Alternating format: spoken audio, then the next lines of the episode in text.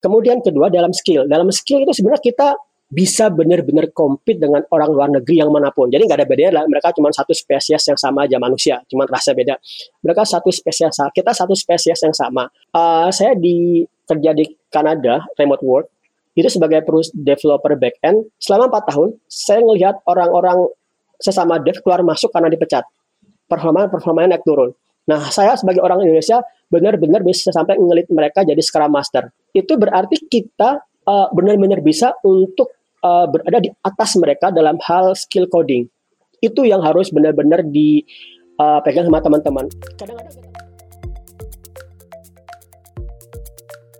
Selamat datang di Ceritanya Developer, podcast yang menampilkan developer, programmer, atau engineer Indonesia inspiratif yang tersebar di seluruh dunia. Bersama saya Riza, kita akan menggali bagaimana mereka berjuang, suka dukanya dalam perjalanan karir, hingga kesalahan konyol saat ngoding.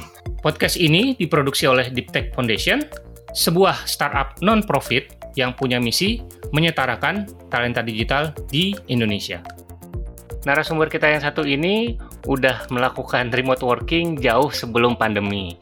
Bahkan sekarang udah punya lembaga pendidikan sendiri atau istilahnya bootcamp uh, untuk mendidik ya atau mengedukasi teman-teman kita yang ingin bekerja secara remote baik itu freelance ataupun full time.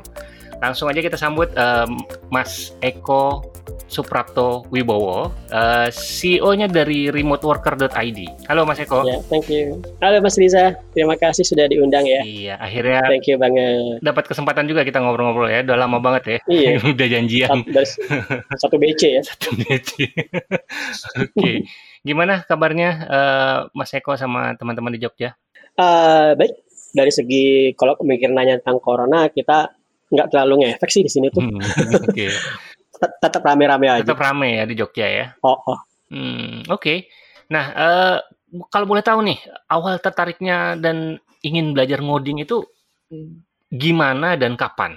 Nah, ini ini ini menarik nih. Kalau nanya seperti ini jawabannya dari tahun 95 loh. Jadi dari zaman yang dengar mungkin belum lahir ya.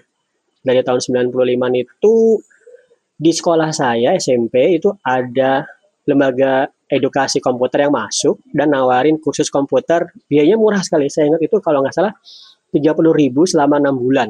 Jadi murah banget. Jadi, nah yang menarik itu adalah sekalian juga saya kasih motivasi teman-teman yang baru gabung untuk belajar coding ya.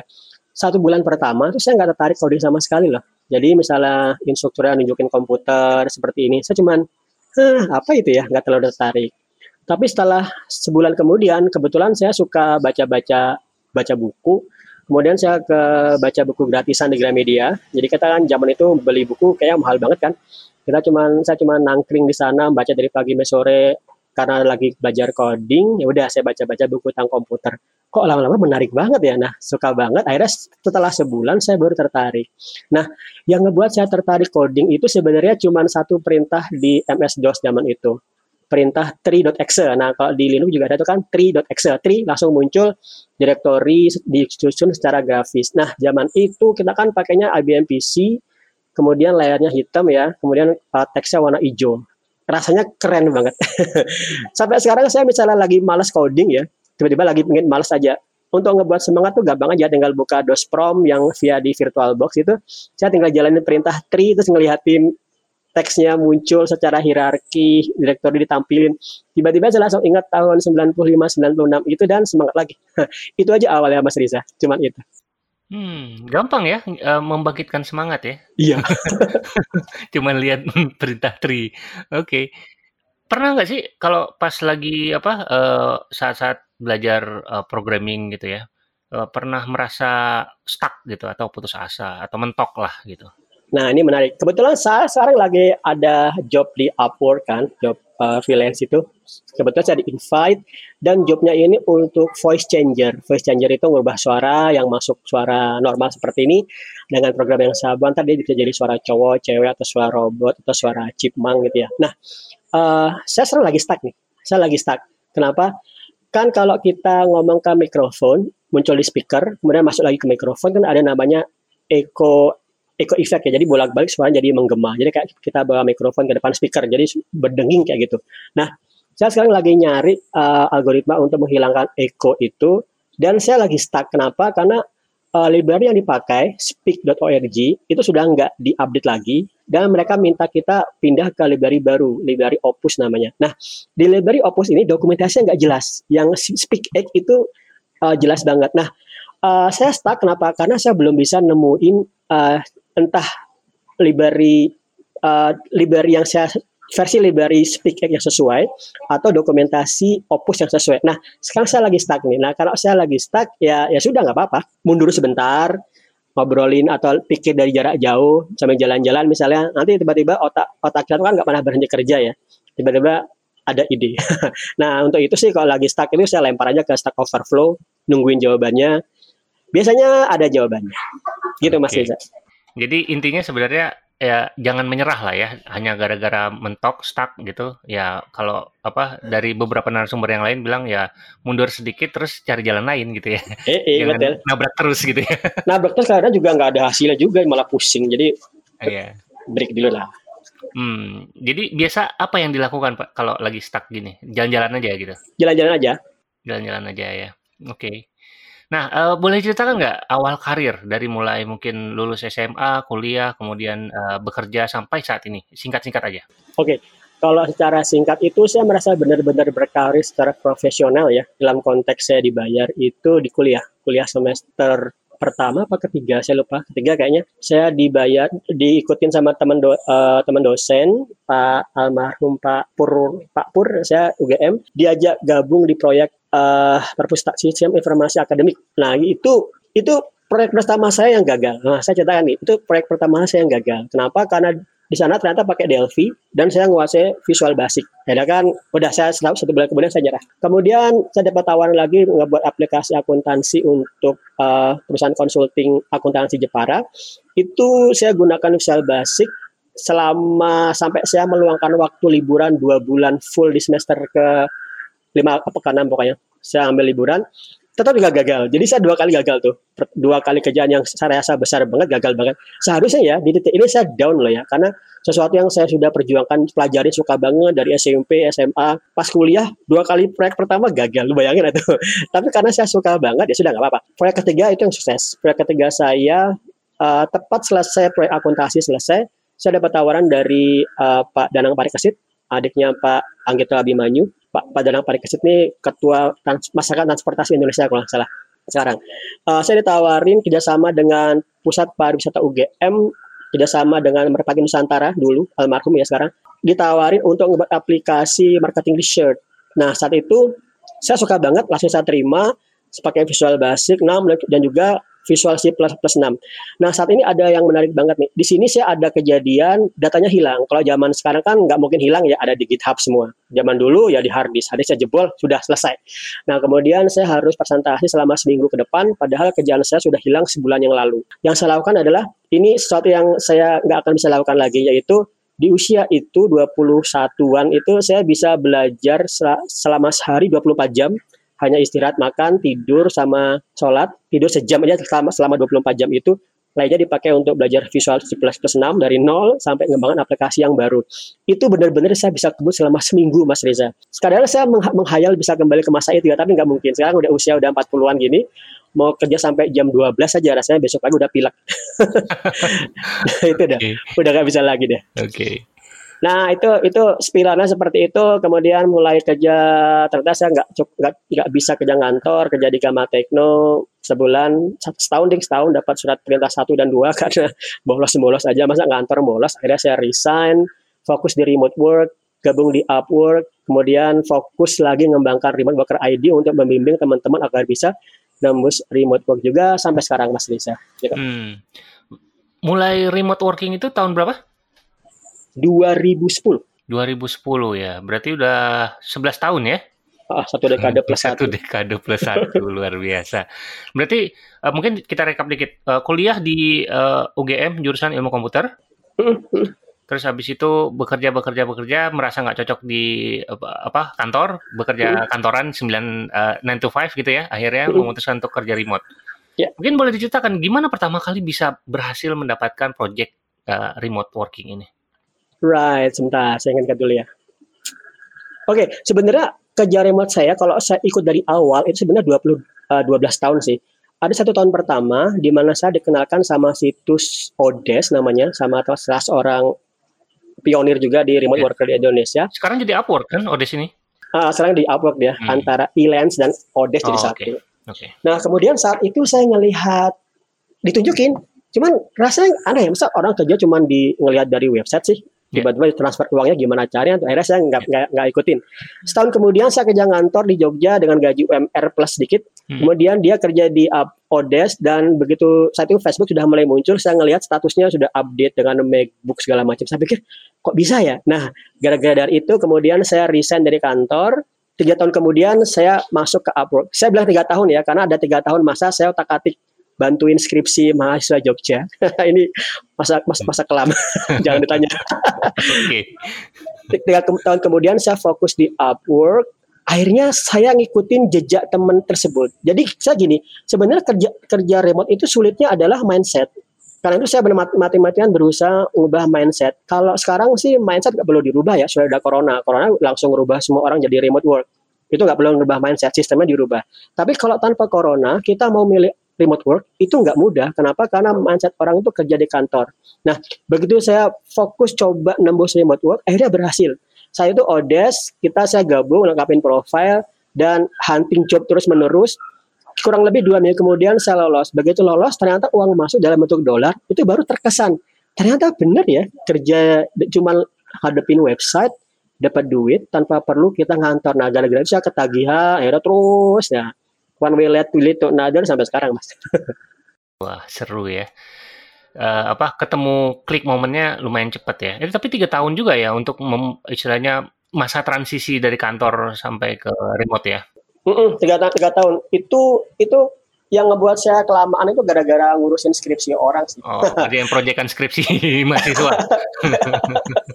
saya tuh, oh ngomong saya berhenti skripsi itu gara-gara merapi meletus mas. Hmm. Merapi meletus, mahasiswa kabur semua, cash flow tersendat. Kemudian saya sempat ngantor sih, saya ngantor di Game Love Jogja. Game Love. Kemudian tiga bulan kemudian saya keluar karena antara gaji sama effort nggak terlalu match, kemudian saya keluar, nah baru saya remote work. Jadi kalau orang mau bilang remote work karena apa, sebenarnya remote work karena keadaan aja sih. Sama saya nggak bisa kantor ya kan, karena saya nggak mungkin kantor. Kenapa? Kemudian saya nah ini rumit ini jawab jawabannya. Jadi jawabannya gini mas, mungkin karena saya dari TK SD itu manut sama orang tua ya. Jadi patuh sama orang tua, berusaha mati-matian, sekolah segala macam. Tapi saya mulai rada-rada memberontak itu begitu SMP saya rada berontak karena apa? Buat apa sih cuma jadi juara satu aja gitu kan? Nah kemudian saya pengen menempuh jalan sendiri. Nah akhir akhirnya itu perasaan itu terbawa sampai kuliah. Yang terbawa adalah seperti ini. Kalau saya dari SD sampai SMA disuruh sistem untuk belajar sekolah dari pagi sampai sore, ya that's fine lah karena memang sistemnya. Tapi begitu saya kuliah, saya merasakan saya merasakan kebebasan kan, karena saya bisa bolos, bolos kuliah tuh nggak ada orang marah. Meskipun akhirnya kuliah saya 10 tahun sih lulusnya, tapi orang bebas intinya. Nah, begitu saya lulus kuliah, kalau saya milih ngantor, itu maka saya akan teratur sistem untuk kerja lebih parah dari orang yang TK tadi. Kalau TK kan cuma 9 pagi uh, pagi sampai siang ya. Kalau SMA saya pagi sampai sore. Tapi kalau saya milih ngantor ngikutin sistem yang dibangun manusia kerja 9 to 5, saya harus berangkat jam 5 pagi loh mungkin. Kemudian pulang lagi yang jam 9 malam. Ke orang tinggal, kuliahnya tinggalnya di Bogor, kuliah uh, kantornya di Jakarta kan. Ini ngebuat saya mikir gini, ngapain saya ngikutin lagi sistem di, yang saya nggak suka, di mana saya harus diatur untuk ngantor, padahal yang dikerjakan di kantor itu bisa aja saya kerjakan di rumah. Itu ngebuat saya saat saya kerja di, di Jogja, itu ngebuat bokong saya panas banget. Tuh ngapain saya simpan di studio di sini coding. Coding aja di rumah. Itu mas intinya oke jadi sebenarnya idealisme juga dari apa dari uh, kecil ya. Dari masa-masa remaja mungkin ya. Jiwa pemberontaknya sampai ke bawah ke sekarang gitu ya. Oke okay, oke. Okay. nah uh, mungkin ada momen atau kontribusi yang membanggakan sampai saat ini sebagai developer? Yang saya masih uh, terkesan sampai sekarang itu saya pernah mungkin Mas Asyad saya tahu juga saya pernah dapat juara satu skala Asia Pasifik di Facebook Community Challenge tahun 2018 mengembangkan aplikasi untuk platform pembelajaran anak-anak. Nah, yang saya buat saya rada surprise adalah sebenarnya saya nggak ada niat sama sekali untuk ikut itu. Uh, cuman saya sudah nyiapin itu memang karena memang sesuai passion saya aja. Nah kemudian tiga, tiga minggu sebelum deadline tiba-tiba saya dapat informasi itu saya ikutin gabungin iseng-iseng aja nothing tulus. Loh kok juara satu ya? Itu ngebuat saya itu ngebuat saya senang tapi shock sekaligus itu saya nggak siap-siap untuk uh, dapat peringkat gitu kan. Kemudian dilombakan skala dunia saya sudah saya sudah rada stres deh saya biarin aja deh. Ya cuma untuk dunia saya cuma nomor cuma nomor tujuh apa enam ya. Kalau yang Asia sih juara satu. Itu itu seru banget. Oke itu yang yang membanggakan ya kalau yang memalukan ada nggak sih? yang memalukan mungkin itu sih zaman saya pertama kali gagal aplikasi akuntansi yang ke Jepara itu. Itu saya malu banget sih. Itu menjadi uh, titik saya untuk benar-benar serius dalam kerjaan profesional. Jadi kan saya gagal tuh. Saya udah gagal di kerjaan akuntansi itu hampir dua tiga mungkin hampir enam bulan ya. Enam bulan saya berusaha selesaikan, nggak berhasil berhasil. Kemudian akhirnya saya uh, datang ke teman yang hire saya, saya, saya buat secara terus terang, saya nggak bisa lagi ngerjain, saya buat script semacam surat pernyataan gagal. saya sampaikan sampai setitik ada air mata di situ itu membuat saya sampai sekarang saya masih ingat momen itu dan saya jadi saya selalu jadikan itu kok teman-teman yang lagi belajar coding terus gagal proyeknya ya jangan mundur kayak gitu cuman ya biasa aja Ya, cuman apa ya? Proses aja. Cuman halangan, iya proses, proses. Mm -hmm. Oke. Okay. Kalau boleh refleksi sedikit, mungkin apa sih yang uh, salah di project itu? Apakah salah estimasi kah atau apa gitu? Masih ingat gak sih? Oh ingat banget. Mungkin salahnya salah satu sih itu monolitik ya. Jadi kalau Marisa pernah utak atik program akuntansi nggak mas? Uh, pernah. Akuntansi itu kan tidak ses tidak sesederhana relational database management system ya. Ya ya memang semua RDBMS tapi di akuntansi itu ada tiap kantor punya aturan akuntansi yang slightly different tapi semua orang ada. Nah, saat itu sebenarnya yang saya targetkan itu untuk kompetisi sama Zahir Akunting. Nah, Zahir punya Mas Said Basalameh kalau salah ya. Saya lihat, nah saat itu uh, Zahir pakai Delphi. Saya nggak pakai Delphi, saya pakai Visual Basic. Uh, kemudian kesalahannya pertama itu kita saya menggunakan saat itu kan nggak terbayang model uh, web service seperti ini ya. Kita kan dulu makainya cuma database application aja, mungkin to tier aja. Client sama database. Database yang saya pakai saat itu Microsoft Access. Kalau si Delphi dia pakai Interbase kalau nggak salah. Nah di Microsoft Access itu banyak halangannya sih misalnya mau perusahaan mau dipakai kemudian ternyata dia dipakai untuk beberapa orang itu langsung aksesnya langsung nggak bisa ngapa-ngapain lagi itu kalau yang interbase dia kan bisa itu Nah, pertama lagi itu memang saya masih pemula banget. Jadi, begitu aplikasi itu kompleks, saya nggak bisa lagi menghandle kompleksitasnya. Akhirnya, fitur-fitur baru ditambahkan, broke down semuanya, dan saya single factor developer. Intinya gitu, Mas. Jadi, banyak apa ya, uh, salah salah desain juga. Gitu salah ya? desain. Salah desain, ya. Uh, Rocky Mystic lah ya. nah, um, kalau mentor nih di awal-awal karir ada nggak sih mentor sebagai engineer gitu? Uh, sayangnya enggak sih, saya enggak, saya ya? enggak saya enggak terlalu suka. Kebetulan saya orangnya rada solitary ya, jadi hmm. untuk segala sesuatu saya suka otodidak, full otodidak ya, saya fully otodidak. Fully otodidak walaupun kuliahnya ilmu komputer. oh, oh ya, satu lagi. Saya kuliah itu lulusnya 10 tahun ya. Jadi okay. saya melewati masa presiden dari Pak Harto sampai sampai SBY.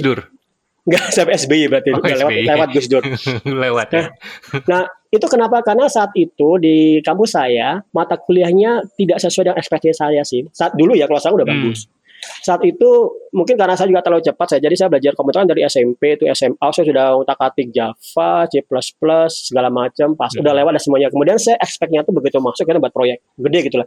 Yeah. Ternyata masuk saat tahun pertama Pascal. karena kita Bukan. Oh, bukan. Ada, ada kata Pascal ya. Hmm. Setahun pertama kita kan di bawah MIPA, kita belajar kimia, oh. biologi, fisika, kalkulus, diferensial, integrasi segala hmm. macam itu. Hmm. Itu ngebuat saya down banget. Akhirnya saya merasa otodidak. Saya begitu uh, masuk di kampus, saya belajar sendiri-sendiri aja sekala yang saya sukain. Nah, tapi kemudian satu pelajaran ilmu komputer saya yang saya sekarang masih saya pakai itu adalah pelajaran relational database management system itu itu pelajaran satu-satunya pelajaran ilmu komputer di kampus saya yang sampai sekarang saya masih terang yang yang karena itu benar-benar jadi basis untuk ngebangun aplikasi sama skripsi saya satu saya buat skripsi Extreme Programming Agile ya 2000 2000 2007 saya buat Extreme Programming Agile itu masih Agile Manifesto.org itu masih awal yeah. banget. Yeah. Nah, itu sekarang sebenarnya kepake. Jadi dua hal dari kampus saya yang mm -hmm. masih kepake sekarang itu RDBMS sama yeah Extreme Programming Agile itu. Oke, wah menarik ya. Dapat dapat dari kampus ya Extreme Programming ya. ternyata. Enggak, saya nyanyi sendiri sih. Saya Oh, kan lagi nyanyi hype. sendiri. Nah, saya lagi hype. Oh, oke, lagi hype ya. Nah, kalau mentor nggak punya, kalau sosok yang diidolakan ada nggak sih? Dalam hal coding nih. Iya. Oke, mungkin Mas Reza akan nyangka saya mengidolakan orang-orang yang programmer yang luar negeri yang jauh ya. Tapi saya enggak loh, saya malah zaman SM, SMP itu saya melajarin bukunya Cendri Herianto, C++, saya lupa judulnya, warnanya ungu, gradasi gitu. Buku itu buku C++ Object Oriented Programming, itu saya baca seperti baca komik, senang sekali. Saya pelajari semuanya bolak-balik saya sampai bolak-balik selesai, kemudian saya baca dari awal lagi, saya implementasi codingnya semua. Sampai sekarang saya masih mengidolakan Pak Cendri Herianto. Cuma saya nggak tahu beliau sebenarnya sebenarnya dia orang mana ya. Kayak sih orang Jogja, cuma saya nggak pernah ketemu. Cuma saya benar-benar mengidolakan beliau karena buku beliau itu yang OP itu membuat saya benar-benar secara programmer jadi senang banget dan juga secara filsafah hidup object oriented programming itu benar-benar jadi landasan saya untuk falsafah hidup yang yang cara pandang saya sebagai programmer memandang dunia nyata dengan penciptanya, ciptaannya itu ngebuat saya berpikir bolak-balik akhirnya eh, kalau boleh dibilang buku apa selain Alkitab Suci sama buku self development yang lain yang berpengaruh ke saya itu bukunya Pak Chandri Haryanto C++ Object Oriented Programming itu jadi landasan saya benar mas. Sekarang kan lagi ngerjain apa? Lagi merintis nih remoteworker.id ini. Mm-mm. Eh, kalau boleh di-share ke teman-teman mungkin yang belum tahu eh, apa sih itu dan kenapa Mas Eko bikin? Oke, kalau mau dibilang kenapa saya bikin sebenarnya cuman gara-gara waktu waktu luang saya banyak sih. Jadi saya kan saya merasakan gaji buta itu empat tahun loh mas. Saya merasakan gaji buta. Jadi kerja remote eh, di Kanada dari Singapura dan Australia nggak salah tiga kerja remote itu saya handle. Kemudian saya delegasi semuanya. Saya delegasi semuanya ke banyak tim. Kemudian saya hanya melakukan report. Nah Akibatnya apa? Akibatnya saya ada enam bulan nggak coding.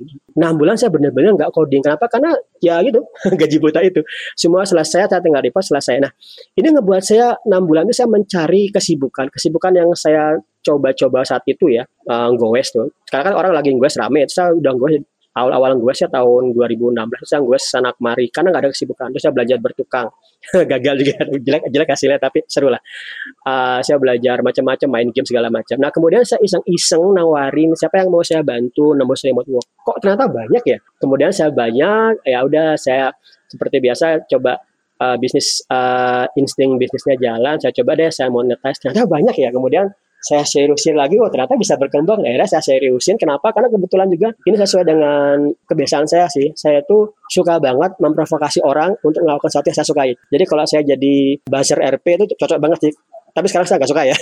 kalau ada kata saya lagi suka sama seorang yang saya sukai banget dalam hal apa pun, saya pasti akan nge-promote dia. Ya. Misalnya saya suka capoeira, saya Hmm. promote. Nah kebetulan saya suka banget remote work. Nah itu nggak bisa saya rubah-rubah. Karena saya suka banget, saya akan terus mati-matian memprovokasi banyak orang untuk mengambil jalur remote work bukan sebagai alternatif, sebagai sebagai pilihan utama. Jadi misalnya nanti corona sudah selesai, ya kamu jangan mikir untuk mau kembali ke kantor lagi ya. Sudah di rumahmu aja. Kamu misalnya merasa bosan dengan rumah, bangun aja kantormu sendiri. Dan bangun kantor ini bukan berarti kamu langsung cari properti, kamu sewa, se- semua orang suruh datang. Kalau itu rasa, saya rasa konyol. Konyolnya kenapa? Kamu suka remote work. Kemudian kamu membuat orang nggak remote work dengan berangkat ke kantor. Berarti kamu cuma mela- eh, memperpanjang status quo status quo-nya baby boomer yang zaman dulu ngantor ya. Ya udah kita kan kita kan generasi Z nih, generasi Z sekarang. Generasi Z nggak boleh mikir kantor itu bangun properti, nyewa properti. Generasi Z bangun kantornya di cloud aja. Bangun kantornya di cloud. Kenapa? Kalau kamu pun butuh properti untuk ketemuan, yaudah kita buat ketemuan aja sebulan sekali, mungkin di mana ketemuan, that's fine. Tapi jangan pernah berpikir untuk membangun kantor. Cuman ini nggak semudah yang saya bilang sih. Kenapa? Karena kadang-kadang investor atau apa pun tuh ya butuh bangunan fisik kelihatannya megah ya, ya udah kita pakai virtual office aja. Begitu kamu sudah bisa melakukan ini, kamu akan bisa menduplikasi kebebasan orang bekerja kantor ke banyak orang. Menduplikasi ini penting. Contoh seperti ini, kalau semua orang, kalau orang nggak bisa menduplikasi cara hidup seperti ini, maka nanti semua orang cuma berpikir pindah ke Jakarta aja, mas. Yang di Pekalongan, bikin gaji belasan juta, pindah ke Jakarta. Pindah ke Jakarta, kamu kalau di Jakarta nggak mungkin loh kamu punya rumah di Menteng. Rumahmu pasti di Jabodetabek itu, di Bodetabek itu. Berarti kamu harus siap-siap berangkat jam 5 pagi, yang kantor jam 7, pulang kamu harus siap-siap nunggu sampai trafiknya hilang bar, ber- atau berkurang sampai rumah kamu jam 9 malam. Kamu berangkat saat orang anakmu masih tidur sampai anakmu sudah tidur lagi. Ini kalau kamu nggak mikirkan ini, tiba-tiba kamu sadar setelah 20 tahun. Oh iya ya, baru telat. Ini udah telat banget. Makanya makanya saya berusaha nge-promote hal seperti ini di setiap podcast saya. Saya berusaha promote ini. Kenapa? Karena kalau kita suka dengan sesuatu dan bahagia dengan sesuatu, kita pasti berusaha untuk menularkan kebahagiaan ini ke orang lain. Uh, ada satu quote dari uh, sastrawan yang saya sukai. Dia bilang seperti ini, uh, sumber kebahagiaan terbesar adalah bahagia dengan kebahagiaan orang lain. Jadi kalau saya bisa ngebuat orang bisa survive di remote work, nggak perlu ngantor, saya akan bahagia banget sampai tujuh turunan mungkin. Kenapa? Karena dia, saya sering banget mas ya masalah, masa kok aku sudah resign, aku sudah aku sudah nggak ngantor lagi. Itu saya senang banget. Kenapa? Kelihatannya sepele. Satu orang yang saya, saya buat bisa kerja di rumah. Tapi itu berarti saya ngebuat nanti kalau dia belum nikah, kalau dia sudah punya anak, saya bisa ngebuat dia dan anaknya lebih dekat dengan uh, saling uh, ayah dan anak lebih dekat. Kenapa? Karena saya tidak saya sudah berhasil ngebuat ayahnya itu tidak perlu ngantor lagi. Berarti saya juga ke istrinya, dan juga mungkin ke mertuanya, dan juga dengan tetangganya. Ini hal yang nggak terlalu kelihatan jelas ya, cuman begitu sudah dirasakan baru kelihatan jelas. Nah ini sebenarnya yang saya yang saya kejar itu seperti ini. Uh, kalau secara mikir secara holistik lagi kan manusia di dunia ini cuma sebentar ya. Saya 40, mungkin saya maksimal 20 20 25 tahun sudah nggak ada di dunia ini. Nah, kalau saya bisa mengekalkan prinsip hidup ini saya ini ke orang lain, berarti saya bisa ngebuat banyak orang bahagia dengan satu kali gerakan aja. Gitu Mas Reza. Oke, okay. wah menarik sekali ya. Nah ngomongin soal kerja remote nih, okay. kan kayaknya setahun belakangan ini kan kita udah kerja remote semua hmm. ya, tapi secara terpaksa gitu hmm. kan. Hmm. Kalau di apa di bootcampnya sendiri, apa sih tantangan yang paling sering ketemu orang sulit untuk melakukan mulai ke, uh, remote working itu apa sih? Jadi paling berat itu masalah pertama masalah kepercayaan diri, Mas. Itu itu sulit banget. Kenapa gitu? Kalau saya bicara agak panjang sih, kita ini kan bangsa yang bebas dari penjajahan baru sekitar 50-an tahun ya, sorry, 60-an tahun, 70-an tahun. Baru sebentar, baru sebentar, belum satu generasi. Jadi masih ada generasi kita yang masih dulu mengalami masa perjuangan. Itu bukan hal yang sepele kita sudah hidup di masa di mana kita dan moyang kita itu dipandang rendah dan kita punya harga diri yang rendah. Jadi akibatnya apa? Akibatnya kalau kita lihat ya, begitu kita ngeliat orang bule itu ada kesan melebih-lebihkan orang bule, orang luar negeri. Misalnya, apalagi kita misalnya nih, saya tinggal di kampung nih, masa bisa dapat pekerjaan dari bule? Wah rasanya bule itu keren banget. Nah, hal seperti ini nih yang nggak mudah didobraknya. Yang saya lakukan itu di antaranya kita ngadain belajar bahasa Inggris setiap minggu kita ngobrol, kita buat orang confident dengan menggunakan bahasa internasional mereka. Confident ini itu penting banget. Ini ngebuat kita, oh ternyata bahasa Inggris cuma gitu-gitu aja, saya juga bisa bisa bisa paham aja. Nah, itu satu dalam bahasa. Kemudian kedua dalam skill. Dalam skill itu sebenarnya kita bisa benar-benar compete dengan orang luar negeri yang mana pun. Jadi nggak ada bedanya lah. Mereka cuma satu spesies yang sama aja manusia, cuma rasa beda. Mereka satu spesies, kita satu spesies yang sama. Uh, saya di kerja di Kanada, remote work, itu sebagai perus developer backend selama empat tahun saya melihat orang-orang sesama dev keluar masuk karena dipecat. Performa performanya naik turun. Nah saya sebagai orang Indonesia benar-benar bisa sampai ngelit mereka jadi scrum master. Itu berarti kita uh, benar-benar bisa untuk uh, berada di atas mereka dalam hal skill coding. Itu yang harus benar-benar dipegang uh, sama teman-teman. Kadang-kadang kita ngerasa oh orang bule itu keren banget segala macam segala macam. Nah sebenarnya kita lagi Mas Mas Mas Reza ya satu lagi yang pengen kita uh, kita coba tuh ya. Kan kita sudah punya Mas siapa Mas yang ngebuat Phantom Jazz? Aku lupa namanya. Mas Arya Hidayat. Ya Mas Arya Hidayat. Kita harusnya perlu membuat hal-hal seperti itu loh Mas supaya Indonesia tuh namanya harum. Jadi kita harus bisa ngebuat produk-produk open source yang benar-benar dipakai orang. Nah kok ini terjadi nama Indonesia tuh akan gede banget.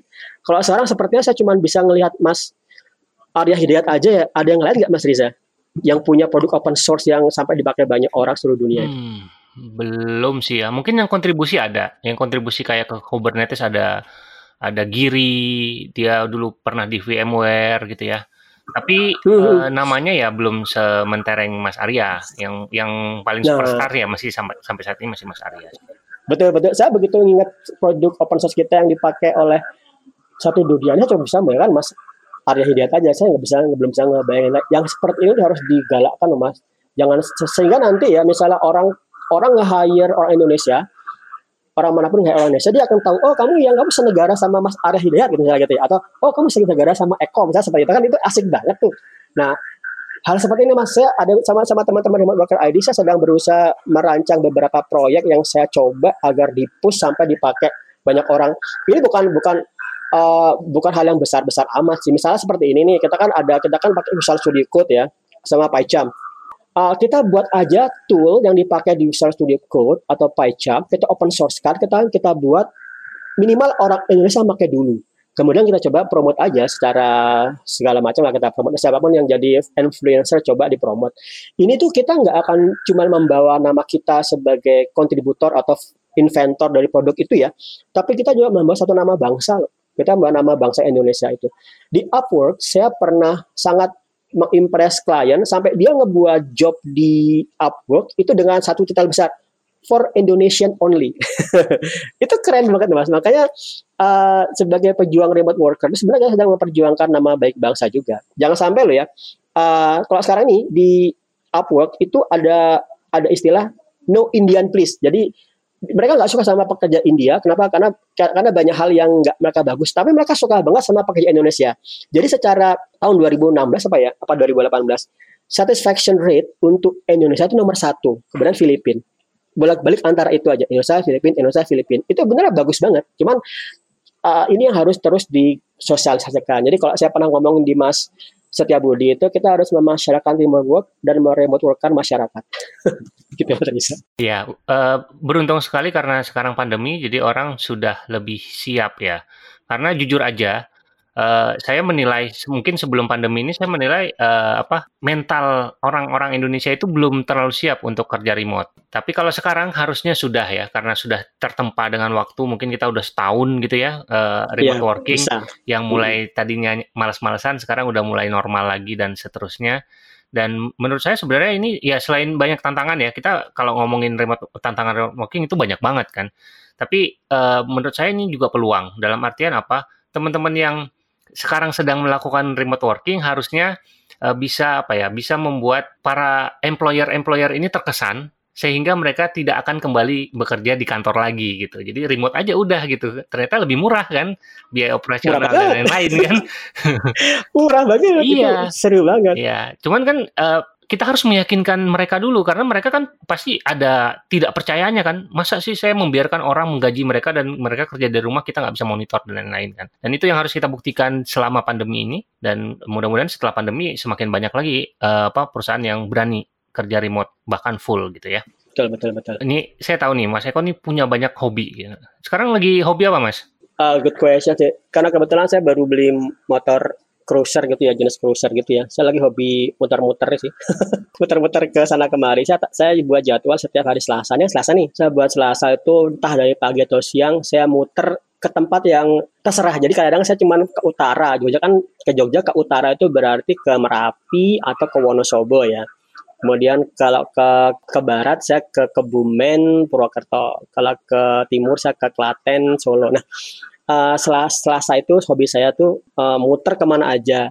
Yang menariknya malah saya, saya nggak muter, nggak sekadar muter loh ya. Jadi saya rasa setiap orang punya bakat seperti ini. Jadi kalau kita sudah punya suatu target, suatu tujuan yang benar-benar difokuskan, saya kan remote worker ID. Begitu saya keluar naik motor, saya biarkan saya pikiran saya tetap terfokus ke remote worker ID. Kemudian saya biarkan benak saya ber, berkelana sana kemari. Saya biarkan dia ber, ber, berkelana sana kemari. Kemudian tiba-tiba ada ide-ide bagus, ada ilham-ilham bagus, ada rencana-rencana bagus. Kayak sarang ini tadi dapat dapat dua, dua rencana sih gara-gara jalan ke daerah Klaten sama Ngelanggeran. Itu ada satu yang ada satu ide yang saya terapkan di remote worker ID. Kalau yang minggu lalu saya jaga Wonosobo ada dua ide untuk remote worker ID dan satu ID satu ide untuk Wizkid Indonesia. Itu hobi saya yang sekarang lagi fokus. Nah, kalau hobi sebelumnya saya suka main racing sih, main racing sim racing itu sama yang tetap saya pertahankan latihan bela diri uh, capoeira. Jadi jangan sampai lupa ngerakin badan sih. Teman-teman programmer mungkin nggak sadar ya kita tuh kalau duduk terus itu resikonya banyak loh ya. Jadi minimal gerak-gerak seminggu sekali keringetan itu penting banget. Itu Mas Desa. Oke. Okay apalagi yang remote working ya di rumah gitu nggak ke mana-mana gitu ya betul betul butuh ya butuh olahraga oke okay. nah uh, mungkin uh, tadi udah di share juga beberapa tips ya mungkin ada tips tambahan untuk teman-teman yang mau gitu ya mau uh, bekerja mungkin di Upwork atau di freelancer atau di mana untuk bekerja remote untuk mendapatkan uh, supaya tembus ya bisa keluar gitu. Ada tips lagi nggak yang bisa di-share? Yang paling penting untuk kita menembus mindset mainstream.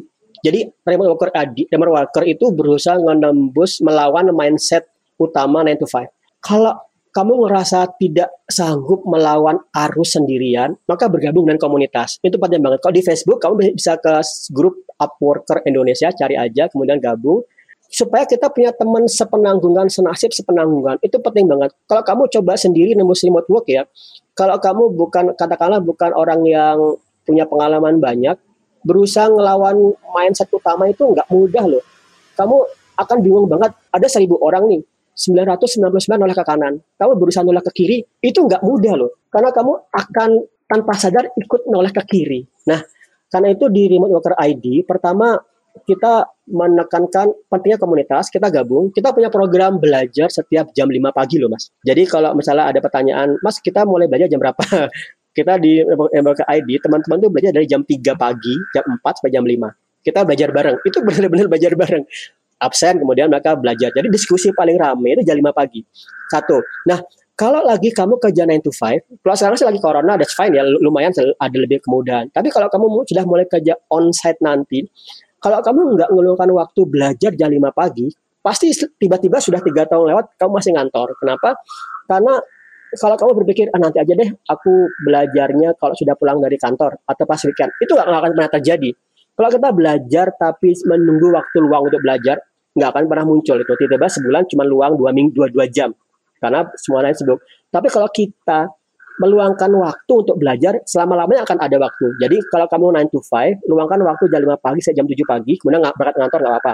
Dua jam tiap hari kamu akan panas. Panas kenapa? Karena melihat komunitas itu belajar terus nembus remote work nampilin dolarnya gitu ya itu kita akan termotivasi jadi uh, di Human ID kita ngeberikan semacam komunitas yang aktif untuk ini loh caranya nembus remote work.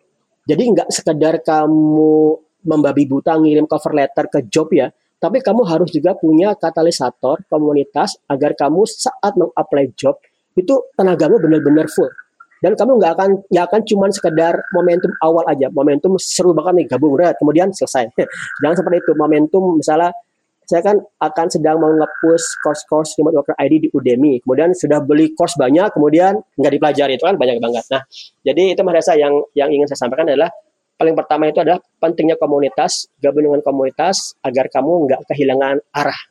Gitu Mas Reza. Iya, yeah, belajar bareng-bareng ya, sama-sama ya.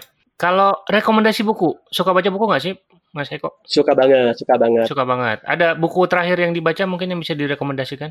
Kenapa yang terakhir mas? Kalau terakhir sih saya komik bacanya. buku terakhir yang mengubah mindset. Hmm. Buku pertama saya yang merubah mindset sampai sekarang saya sering baca ulang itu bukunya Stephen R. Covey, Seven Habits of Highly Effective People. Itu sampai sekarang saya sering baca ulang. Buku itu udah 25 tahun lebih ya.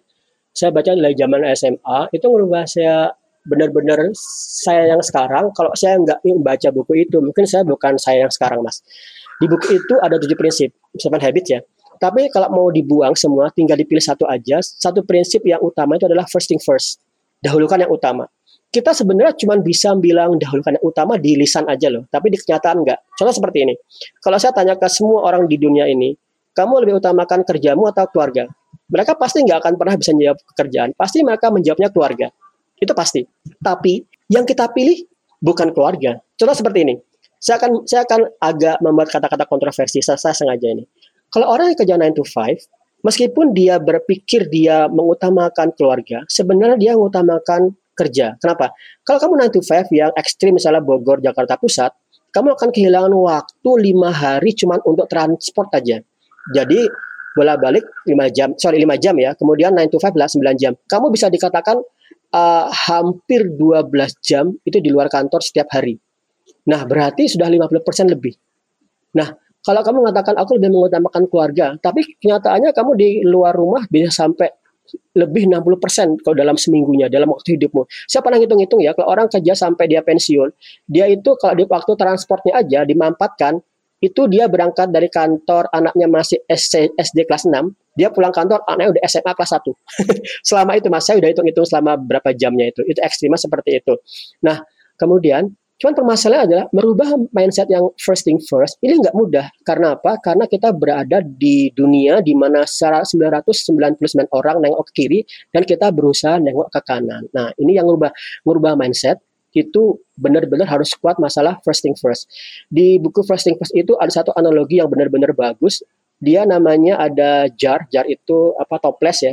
Kalau ada toples dan kamu berusaha memasukkan bola besar, bola kecil, kemudian pasir, cara terbaik adalah masukkan bola besar dulu, bola menengah, bola kecil, kemudian pasir. Pasir rata kan? Nah, orang yang tidak melakukan cara yang ini, dia akan pertama kali pasir dulu, kemudian batu-batu kecil, menengah, baru besar. Akibatnya apa? Akibatnya bola-bola besar akan banyak yang keluar dari uh, toplesnya ini. Bola-bola besar itu apa? Bola-bola besar itu adalah ayah ibu, misalnya anak istri. Bola kecil itu apa? Bola kecil itu karir, uang.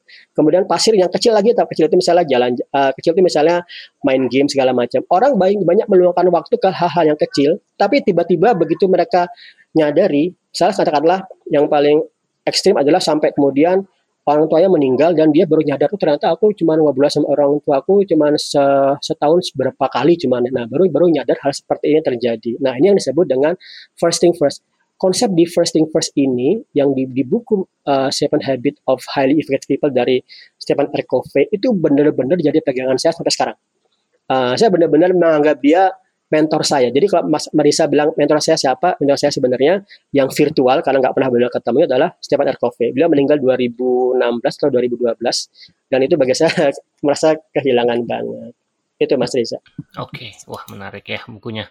Nah, kalau ada teman-teman yang dengar dan mau ngobrol atau diskusi gitu dengan uh, Mas Eko, uh, hmm. paling enak itu lewat mana ya sosial media yang paling aktif? Saya tuh paling aktif di Facebook tuh. Facebook ya. Sehari bisa lima kali ngepost. Iya, termasuk uh, nyinyirin itu ya uh, mantan presiden Amerika yang kemarin ya. Iya. Kalau Twitter saya cuma untuk komplain sama Donald Trump ya. Sekarang, sekarang dia nggak, saya dia nggak ada di Twitter ya, jadi sedih banget. Saya nggak ngapa-ngapain di Twitter karena nggak ada hiburan lagi sekarang ya. Ada hiburan. Bosan ngikutin ngikutin siapa namanya? Ya, uh, Biden, Biden. Biden. Ah, banget. Itu kan presiden, jadi ya gitu-gitu aja lah formal. Kalau Donald Trump itu kan entertainer. Terus ya bahagia banget tuh. Badut ya. Oke. Okay. Eh, satu lagi mas. Apa? Saya lupa. Sebenarnya oh. jenengan termasuk yang menginspirasi Remote Worker ID loh. Siapa?